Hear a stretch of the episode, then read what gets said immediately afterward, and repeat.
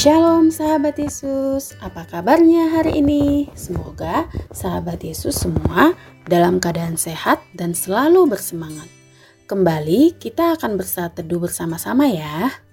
Firman Tuhan hari ini terambil dari 1 Korintus 13 ayat 8 sampai 13 dengan tema 5 bahasa kasih. Mari kita mulai dengan doa. Puji dan syukur kami naikkan kepadamu Bapa. Kami anak-anakmu rindu mendengarkan firman-Mu ya Tuhan. Berkatilah saat teduh kami ini agar kami mengerti dan mampukan kami melakukan firman-Mu. Amin. Sahabat Yesus, mari bersama-sama membaca firman Tuhan dengan bersuara. 1 Korintus 13 ayat 8 sampai 13. Kasih tidak berkesudahan, nubuat akan berakhir, bahasa roh akan berhenti, pengetahuan akan lenyap. Sebab pengetahuan kita tidak lengkap dan nubuat kita tidak sempurna. Tetapi jika yang sempurna tiba, maka yang tidak sempurna itu akan lenyap. Ketika aku kanak-kanak, aku berkata seperti kanak-kanak. Aku merasa seperti kanak-kanak. Aku berpikir seperti kanak-kanak sekarang, sesudah aku menjadi dewasa, aku meninggalkan sifat kanak-kanak itu. Karena sekarang kita melihat dalam cermin suatu gambaran yang samar-samar, tetapi nanti kita akan melihat muka dengan muka. Sekarang aku hanya mengenal dengan tidak sempurna, tetapi nanti aku akan mengenal dengan sempurna, seperti aku sendiri dikenal. Demikianlah tinggal ketiga hal ini yaitu iman, pengharapan, dan kasih. Dan yang paling besar di antaranya ialah kasih. Demikian pembacaan firman Tuhan. Sahabat Yesus, tema kita hari ini membicarakan tentang lima bahasa kasih.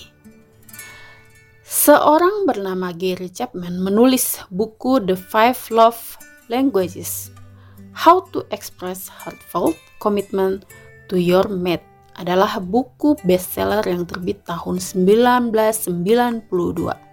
Wah, udah lama sekali ya. Buku ini menceritakan tentang 5 bahasa kasih. 5 cara seseorang untuk mengasihi dan merasakan kasih dari orang lain. Kelima cara itu adalah satu, kata-kata penguatan Artinya, memberikan pujian yang tulus, tidak mencela, dan terutama tidak mengeluarkan kata-kata negatif yang bisa mematahkan semangat dan menyakitkan hati orang lain. Nah, yang kedua, hadiah. Tentu sahabat Yesus di rumah kalau dikasih hadiah seneng banget ya. Nah, ada nih orang yang termasuk tipe mengungkapkan rasa kasihnya dengan cara memberi hadiah. Kemudian, ketiga, waktu yang berkualitas. Ada orang yang senang meluangkan waktu berkualitas bersama dengan orang-orang terkasih. Misalkan nih, sahabat Yesus meluangkan waktu bersama papa mama, misalkan dengan makan malam bersama, atau dengan menonton TV bersama, atau rekreasi bersama. Yang keempat, sentuhan fisik. Nah, siapa nih di antara sahabat Yesus yang ketika mama papa pulang langsung memberikan sambutan pelukan? Nah, ada nih tipe orang yang mengekspresikan rasa kasihnya dengan sentuhan fisik seperti memeluk, cium pipi kanan, cium pipi kiri. Yang kelima, pelayanan. Orang-orang di tipe ini sangat suka menolong orang-orang yang sedang membutuhkan pertolongan dan yang mengalami kesusahan. Jadi, lima bahasa kasih menurut Gary Chapman. Yang pertama, kata-kata penguatan. Yang kedua, hadiah. Yang ketiga, waktu yang berkualitas. Yang keempat, sentuhan fisik yang kelima, pelayanan.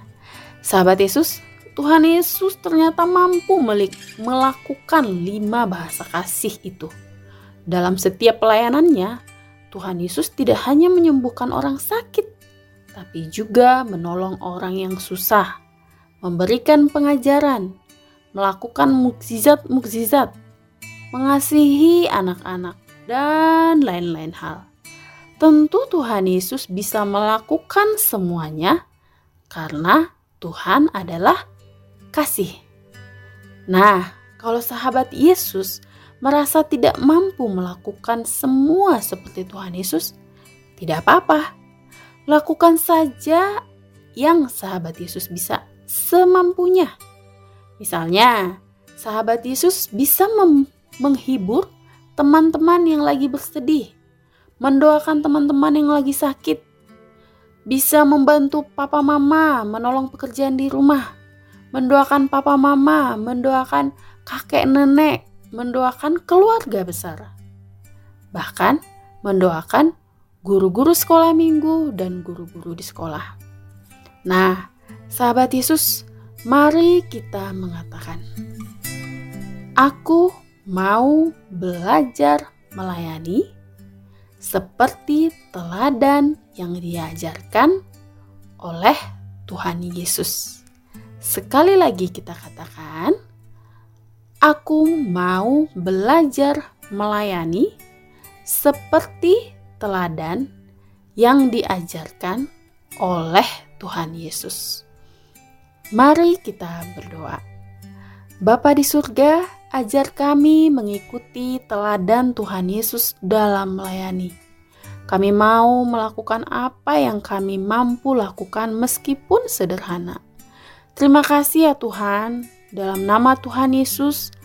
Amin.